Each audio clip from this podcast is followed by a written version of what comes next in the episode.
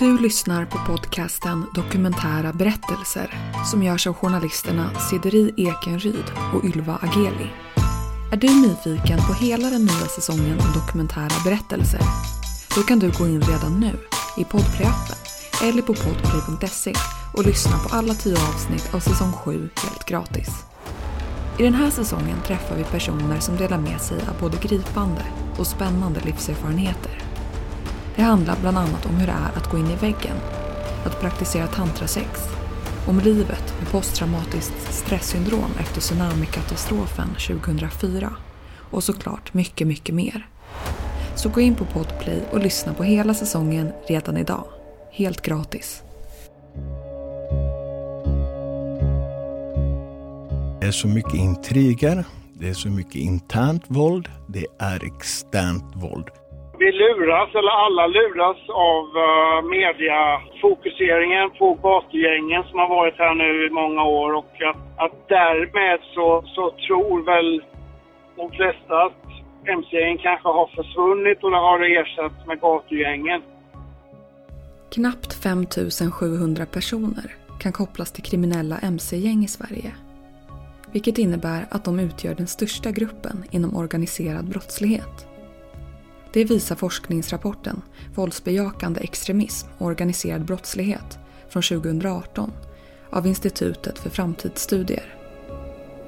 I det här avsnittet hör vi andra delen av Peters berättelse om hur han blev medlem och sen lämnade brödraskapet Wolfpack. Och det hittas också på saker för att kanske någon vill få bort en individ eh, på grund av att det stör deras affär och de hittar på någon historia. Sen kommer den personen få lida och få betala tillbaka. Vi pratar även med Fredrik Gårdare, kriminalkommissarie som leder insatser mot gängkriminalitet. Det, utan det är tvärtom att de finns kvar. De är nog förmodligen kanske fler än vad de var från början.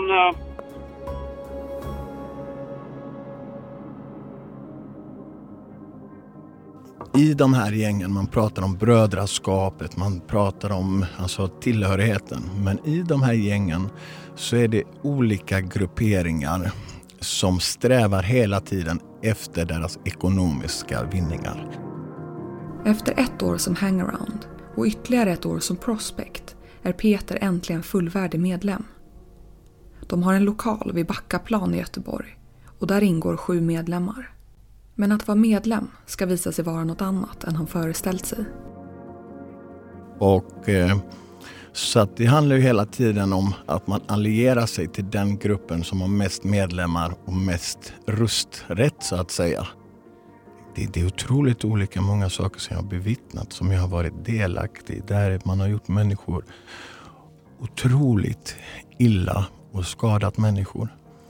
Sen skulle jag också vilja säga att, att just det här att det som vi ser nu också, att det är en diskussion att man har klivit över gränser. Eh, man skjuter anhöriga, man skadar flickvänner och eh, tidigare kriminella går ut och uttalar sig i media med orden att det var bättre förr, så gjorde vi aldrig förr, då fanns det regler, man skadar inte kvinnor och barn. Jag, jag skulle vilja säga att det där är en ren lugn utan det har alltid varit att kvinnor och barn blir skadade. Och jag kan ta ett exempel att man går hem till en familj, man rent ut sagt man slår sönder deras pappa eh, som ligger i en blodpöl framför frugan, framför barnen. Men man slog ju inte barnen och tjejen. Alltså för mig det blir också att det blir skevt för att det blir ju, alltså hela familjen blir ju så skadad. Är det en skillnad då om, om man ger tjejen två, tre smällar? Alltså det är så här, det där har aldrig funnits några sådana regler. Tjejer har alltid legat längst ner på listan. Det är objekt, det är, man använder sig av vissa ord om kvinnor och eh, vad heter det, man utnyttjar dem till det maximala. Just så att eh, för mig har jag svårt att förstå att, att att folk pratar om regler och ramar som har funnits i den världen. Alltså det var dub dubbelhet i det där att... Ja, Fredrik Gårdare, kriminalkommissarie. dels så eh, värnar de och fokuserar på en, eh, en, en gamla, gamla normer runt kärnfamiljen och eh, kvinnorna. Att kvinnorna ska ha, ha sin plats i, i köket och ta hand om hemmet och barnen. Eh, samtidigt så var man väldigt noggranna med att, att, eh, att eh, påpeka att man inte slår kvinnor. Att det inte är okej okay med våld mot kvinnor. I alla fall inte grovt våld. Men tillrättavisningar var okej. Okay. Så att det är klart att kvinnorna eh, inte hade någon eh, eh, ja, maktposition på något sätt. Och eh, ja, han som var med naturligtvis kanske såg mer hur kvinnorna eh, drabbades. Eh, vi som poliser hade ju och har fortfarande väldigt eh, sällan kontakt med tjejerna, kvinnorna, fruarna och flickvännerna, älskarinnorna. Utan vi, vi, vi jobbar ju bara för pojkar och män från vår sida kan man säga. Vi glömmer ju kvinnorna och tjejerna. Han menar att generellt sett är kvinnor mer utsatta i gängmiljö.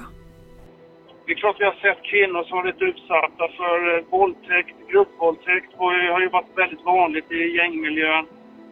Ibland i alla fall att, att kvinnan inte förstått att de blivit utsatta för sexualbrott utan att ha uppfattat det som att det är någonting som är normalt, någonting som man ska ställa upp på vare sig man vill eller inte.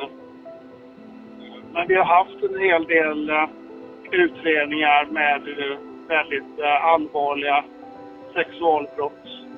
Utan man kidnappar mannen, man pressar han på pengar, kvinnan får ta ett lån på 300 000. Men man skadar inte kvinnan. Alltså, då undrar jag någonstans hur, var går gränsen för att, att man skadar en kvinna så att säga? Är det just det fysiska våldet man menar då att man har hållit borta? Och det stämmer inte riktigt heller skulle jag vilja säga. För att det har jag också bevittnat. Jag har bevittnat det på klubblokaler, på fester med våran klubb som jag var med i, med andra klubbar. Så att, eh, och, och det är självklart att, att blir de drabbade, det är klart att barnen blir drabbade. Men man kastar inte in en handgranat så de får splitter på sig. Men vad är värst psykiskt? Alltså det är någonstans också viktigt tycker jag lyfta att det har alltid funnits där någonstans. Sen att, att nu det har blivit mer det fysiska, men där får man ju också se att där har ju också ribban på våldsnivån ökat. Mängden av kriminella grupperingar har ökat. Hur skiljer sig då mc-gängen från de gatugäng som syns betydligt mer i media? Fredrik Gårdare igen.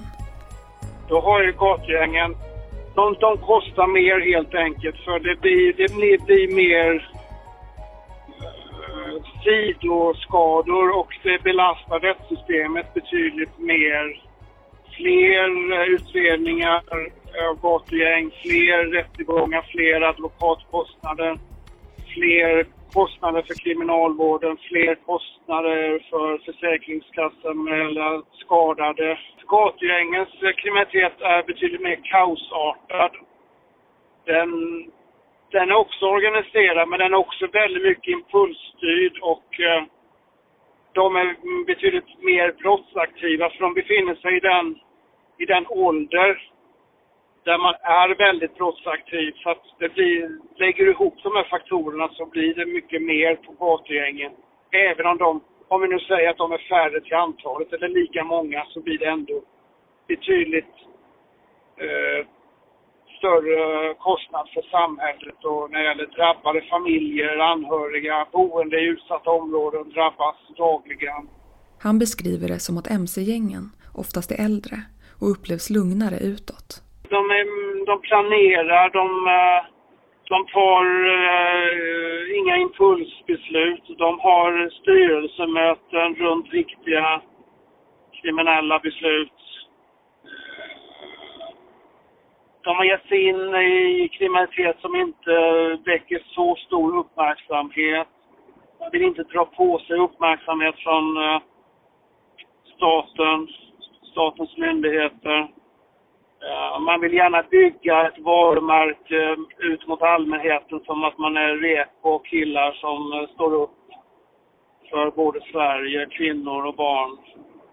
Eh, samtidigt som man är tuffa grabbar som kan ta till våld om det bara så krävs man är väldigt mån om sitt varumärke på något sätt och jobbar hela tiden ut efter det. Behövs det hotas och, och, och bygga våldskapital så gör man det. Behövs det vara liksom en PR-bild där man tonar ner det och, och lägger fram lite positiva värdegrunder så, så gör man det. 2007 döms Peter till tre års fängelse för bland annat grov misshandel och vapenbrott och han avtjänar straffet på anstalten Österåker. Det ska bli starten på hans resa ut ur gängmiljön och kriminaliteten. Jag sökte in på en platssättarutbildning på anstalten Österåker och eh, påbörjade den. Efter en eh, vecka så kommer utbildningsansvarig fram till mig och säger att eh, hon ville prata med mig eh, hon förklarar att vi haft en otrolig tur som har kommit med på den här utbildningen. Jag menar på att det var 40 sökande, det fanns 10 platser. Hon säger att jag har haft speciell tur på grund av att hon hade missat min gängtillhörighet i sina papper. Så hon sa till mig att jag ska göra allting Peter för att få dig från den här utbildningen. Och jag tänkte med en gång att den här kärringjäveln ska aldrig få mig på utbildningen, jag ska bli bäst på utbildningen. Så att det blev också min motivation. Eh, jag kämpar på. Eh, jag tyckte att det var roligt att sätta kakel, fix, plattor. Men det som också hände det var att eh, vi fick gå ut en timme tidigare. Vi fick ta på oss arbetskläder. Vi fick tofflorna och pyjamasen åkte bort. Eh, diskussionerna där under dagarna handlar om fix, fog, kakel, puts, alltså helt andra saker. Medan på avdelningen, det, jag skulle vilja säga att det är som ett vuxendagis. Alla är störst, bäst, vackrast och rikast. Det är, de har miljoner nedgrävda, de har knarkbaroner, de har flera kilo guld liggande i skogen. Det är den typen av diskussioner på avdelningen. Så att det börjar också sätta igång eh, mina tankeprocesser. Och jag hade ju någonstans rättfärdigat mig tidigare på häktet och jag gick ju fram och tillbaka på det här Göteborgshäktet där Marie Engström alltid kom till mig och stöttade mig och satte igång min förändringsprocess. Men eh, det tog tio år innan det där landade riktigt som det skulle. Men, så att, och jag hade ju rättfärdigt, jag kan ingenting annat än kriminaliteten. Så, så jag slog bort tankarna med en gång jag tänkte på ett annat liv. Arbetsförmedlingen, Lars-Olof Nyberg, kom och besökte oss varje vecka, pratade om framtid, arbete.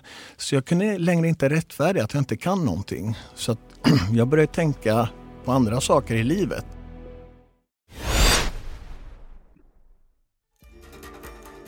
Det som händer efter tre månader det är att jag och några till hamnar på isoleringen.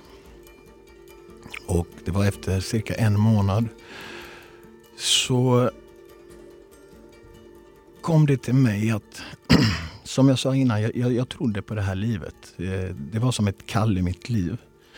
Men efter en månad så kom jag fram till att jag kan inte längre tro på det livet. Eh, det är en illusion. Jag tappade tron helt. Eh, mina tårar rann. Jag visste inte vad jag skulle ta vägen. Samtidigt kom det en känslostorm också. Att allting det här som jag rättfärdat, rättfärdigat, allting det jag har gjort kom ju helt plötsligt att det är brottsoffer. Innan har den förtjänat det. Han bestämmer sig för att skriva brev till offren. När frukostvagnen kommer på morgonen efter lämnar han in några A4-ark som ska ges till avdelningschefen. Vid lunch kommer avdelningschefen och samordnaren till mig och eh, ställer frågan att stämmer det som du har skrivit i brevet? Jag säger det stämmer. Okej, okay. vi ska göra allting i våra makt för att hjälpa dig om du vill det. Han blir rekommenderad att vända sig till Exit, den verksamhet på Fryshuset i Stockholm som hjälper personer som vill hoppa av radikala grupper. Eh, på en permission så åker vi dit och det var också så här intressant. Fryshuset är icke dömande och allt sånt här. Mm, men personen som följde med mig var ett huvud längre än mig. Han var rakad på huvudet, han hade tatueringar överallt. Så att när vi kommer till Fryshuset så eh, säger de till mig att du kan gärna stanna utanför rummet. Så vad heter det, kan vi ta med oss Peter in här och ha våran diskussion själva. Så att just synen på att eh, det var typ så en gängkriminell ska se ut, tatueringar. Så att eh, de trodde ju att, att jag var personalen och han var typ klienten. Vi har ett samtal eh, kring vad jag vill någonstans i livet. Och de säger att de kan hjälpa mig eh, i det här. Sen också när det närmade sig så hade de också en polis som arbetar där. De ville att jag skulle träffa honom för han skulle bedöma min motivation. Och för mig var det också så här, polis, jag måste lämna information. Det är syftet varför de kommer. Så vi åkte till Fryshuset tillsammans med personal. Eh, jag träffade honom. Jag tänker jag säger att ja, men jag kan förklara hur mitt liv ser ut eller har sett ut. Han säger att jag har följt dig sedan 97 så jag känner nog dig bättre än vad du själv gör. Utan jag är intresserad av vad vill du göra Peter med ditt liv? Så jag förklarar vad jag vill. Han säger okej. Okay, eh, jag kom egentligen hit då för att önska dig lycka till. Så jag bara okej. Okay. Eh, är det någonting mer? Nej. Även polisen hjälper till med avhopparinsatser. Fredrik Gårdare igen.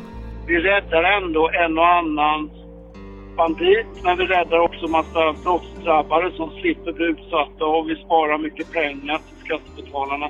Så vi har gjort allt det där från polisens sida. Även om det är väldigt, väldigt krångligt.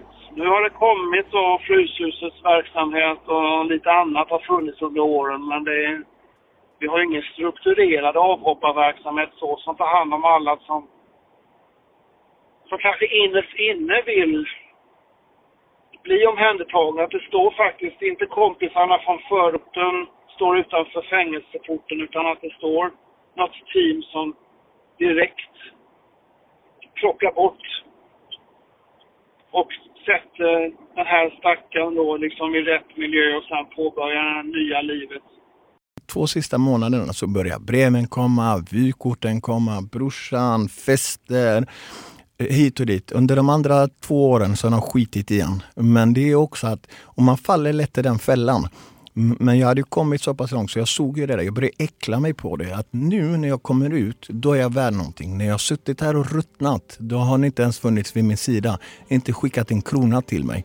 Så att eh, jag förstår det, men det är också att, att det ligger på en, en som individ, men också inom kriminalvården, frivården, socialtjänsten och de organisationerna som jobbar med det här, att man ser till att det blir inte ett glapp. Och vi har 290 kommuner och det ser så olika i de 290 kommunerna om man ska vara berättigad hjälp eller inte. Det är jätte, jättesvårt att sluta helt enkelt. För det är så många saker som måste till. Eh, du ska ha någonstans att bo. Du behöver eh, helt nya vänner. Du behöver ett jobb. Du behöver eh, Eh, få hjälp att sluta med narkotika då, om du inte har lyckats med det inne på anstalten. Du behöver psykologhjälp för att eh, kunna sortera och tänka klart och få in rätt tankar i skallen. Eh, du kanske behöver hjälp med någon flickvän. Eh, ja, det är en massa praktiska saker. Du behöver komma tillbaka till skolan och börja om där, där du var. Du måste få hjälp med utbildning. I april 2009 lämnar Peter anstalten. Han får den hjälp och det stöd han behöver av Fryshuset. Och det gör att han kan lämna kriminaliteten bakom sig och inte återgå till sitt gamla liv. Men det som är kvar nu att göra är att meddela brödraskapet Wolfpack om att han inte längre vill vara medlem. Och han som var president för gänget satt på Tidaholmsanstalten tillsammans med några andra från gänget. Så att jag väntar väl en, en och en halv månad innan jag skickade det här brevet. För jag visste inte heller riktigt vad jag skulle få. Eh, om jag skulle få den hjälpen som jag behövde. Så jag skickar, skriver ihop ett brev eh, att jag vill lämna den här organisationen och att jag kan inte bidra med någonting längre för jag har tappat min tro. Och tror jag inte på någonting så kommer jag inte ha en drivkraft. Eh, jag skickade först till Göteborg. Det postas om till Tidaholmsanstalten för jag vill inte att någon ska veta att jag är i Stockholm. Eh, det tar en månad innan jag får svar på det här och det är klart att jag blev så här... Eh, det, det var en jobbig månad för mig helt enkelt. Jag får svaret och de tycker det var jättetråkigt att jag skulle lämna men det finns möjlighet att jag kan gå in i en fastighetsaffär där jag kan få några hundratusen om jag stannar kvar i klubben. Jag levde på existensminimum. Jag hade kronofogdeskulder på en halv miljon. Och det är klart att det satte igång tankar i mitt huvud. Jag började tänka så här, fan, vad håller jag på med? Det är inget fel på klubben. Ser du nu vad de ställer upp? Det här är ju, de här är ju verkligen schyssta eh, grabbar, typ. Under tiden på anstalten har han haft en kontaktperson som erbjudit samtalsstöd. Han vänder sig till henne igen. Så jag tar med mig brevet, vi läser det tillsammans och eh, jag kom fram till att jag har tappat min tro och den här och det är hela tiden så i den här kriminella. Jag ska bara göra det här. Det är min sista stöt. Det är min sista affär bara. Då kommer jag tjäna de här miljonerna, sen kan jag dra mig tillbaka. Jag hade redan levt i 30 år med den här känslan och jag hade inte lyckats hittills. Så hur fan ska jag lyckas igen? Så att jag tackade nej till eh, och det erbjudandet och fortsatte min förändringsprocess. Jag åkte ner och träffade presidenten när han hade en permission fysiskt. Han accepterade det. Och det är ju den avdelningen som jag tillhör, Göteborgsavdelningen, som bestämmer över det. Sen är det klart att folk snackade skit. Sen är det ju så också att jag har skadat människor eh, eh, otroligt mycket. Eh, både i mitt namn men också i gängets namn. Och man blir också ett villebråd när man lämnar det. Så att hot har jag fått, men inte från gänget, men från andra individer. Vad kan man då ge för råd till en person som vill hoppa av?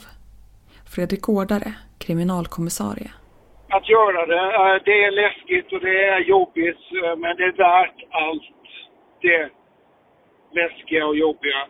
Och uh, ta kontakt med uh, antingen en polis som är, som är specialist på, på gängproblemet eh, uh, eller ta kontakt då med, med någon eh, före detta bandit som nu jobbar med att vara vuxen mentor. Det finns några sådana enskilda som uh, jobbar tillbaka det de har ställt till med. De kan man få hjälp av och som sagt var, du får hjälp av Fryshusets uh, avhopparverksamhet. Så att hjälp finns och det gäller bara att hitta den, den rätta. För att minska den organiserade brottsligheten förespråkas ibland hårdare straff. Vi undrar vad Fredrik Årdare anser om det. Det finns ingen annanstans det har hjälpt.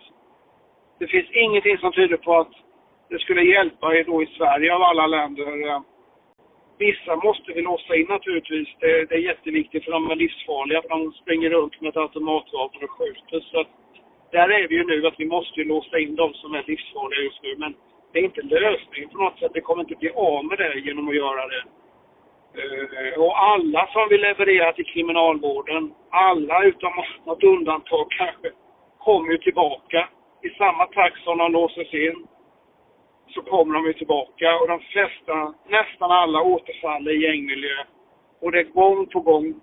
Så döms, sitter av sitt straff, kommer ut, tillbaka, grips igen, utreds, döms och så går det runt.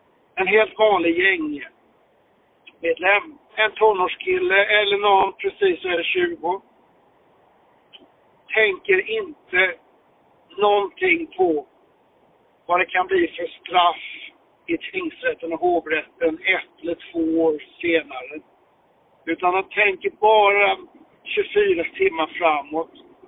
Och det har vi också sett när vi tittar på det här internationellt att, att när det är superlånga straff då, och de äldre tänker att vi måste lämna över den risken på de andra. Då sätter man alltså automatvapen i händerna på tonårskillar, så man beväpnar ju då yngre.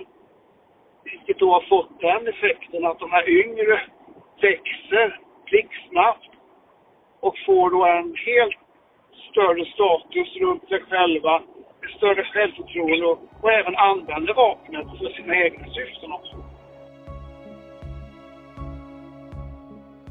Under tiden som Peter sökt hjälp hos Exit i Fryshuset har också andra personer i liknande situation vänt sig dit.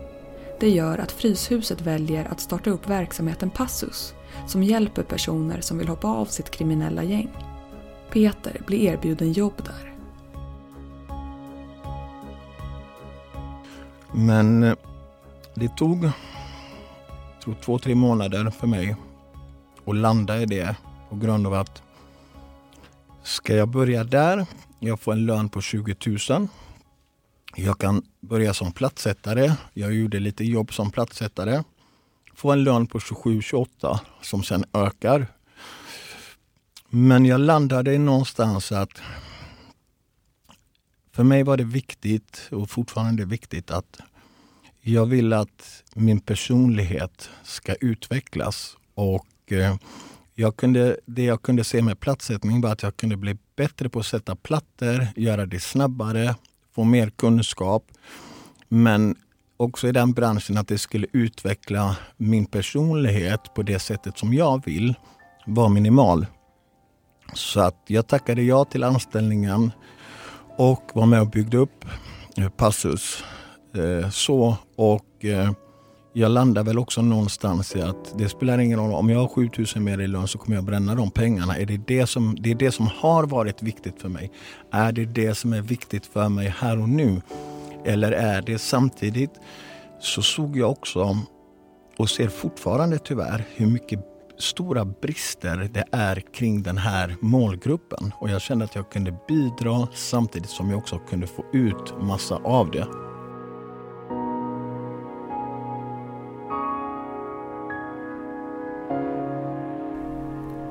Du har lyssnat på den andra delen av Peters berättelse om vägen ut ur brödraskapet Wolfpack. I nästa avsnitt och då fick jag välja overklighetskänslor på ett konstigt sätt som jag inte riktigt kan beskriva. Eh, värme som gick liksom genom hela kroppen och det blev alldeles hett i huvudet och jag mådde väldigt illa och fick hjärtklappning och så. Tänk dig att du en dag ser dig själv i spegeln och inte känner igen den person du möter. Eller att du inte längre kan äta för att du mår så illa. Så var det för Emma efter en hög period av stress så framförallt det första halvåret så tänkte jag ju varenda gång jag la mig för att sova att vem hämtar barnen om jag inte vaknar? Lyssna på hennes berättelse om att gå in i väggen. Missa inte att alla avsnitt av säsong 7 finns ute redan nu. Helt gratis på Podplay. Och vill du komma i kontakt med oss som producerar den här podden och dela med dig av din berättelse? Glöm inte att du kan mejla oss på kunskapsstudion gmail.com. Podplay, en del av